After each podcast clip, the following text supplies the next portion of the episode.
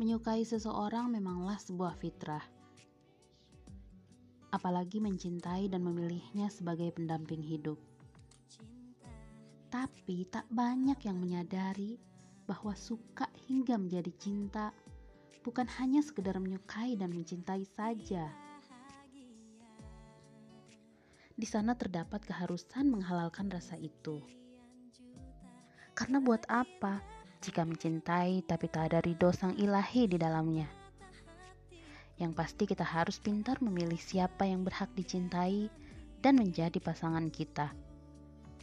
Sebuah kekonyolan adalah menyesal di tengah jalan hanya karena kurang selektif memilih pendamping hidup.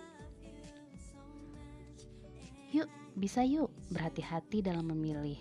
Berhati-hati dalam menyukai apalagi memutuskan untuk mencintai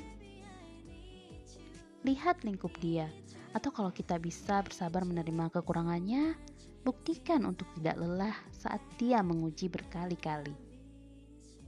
Jika kita tak ingin luka di waktu nanti, libatkan Tuhan dalam menentukan pilihan kita.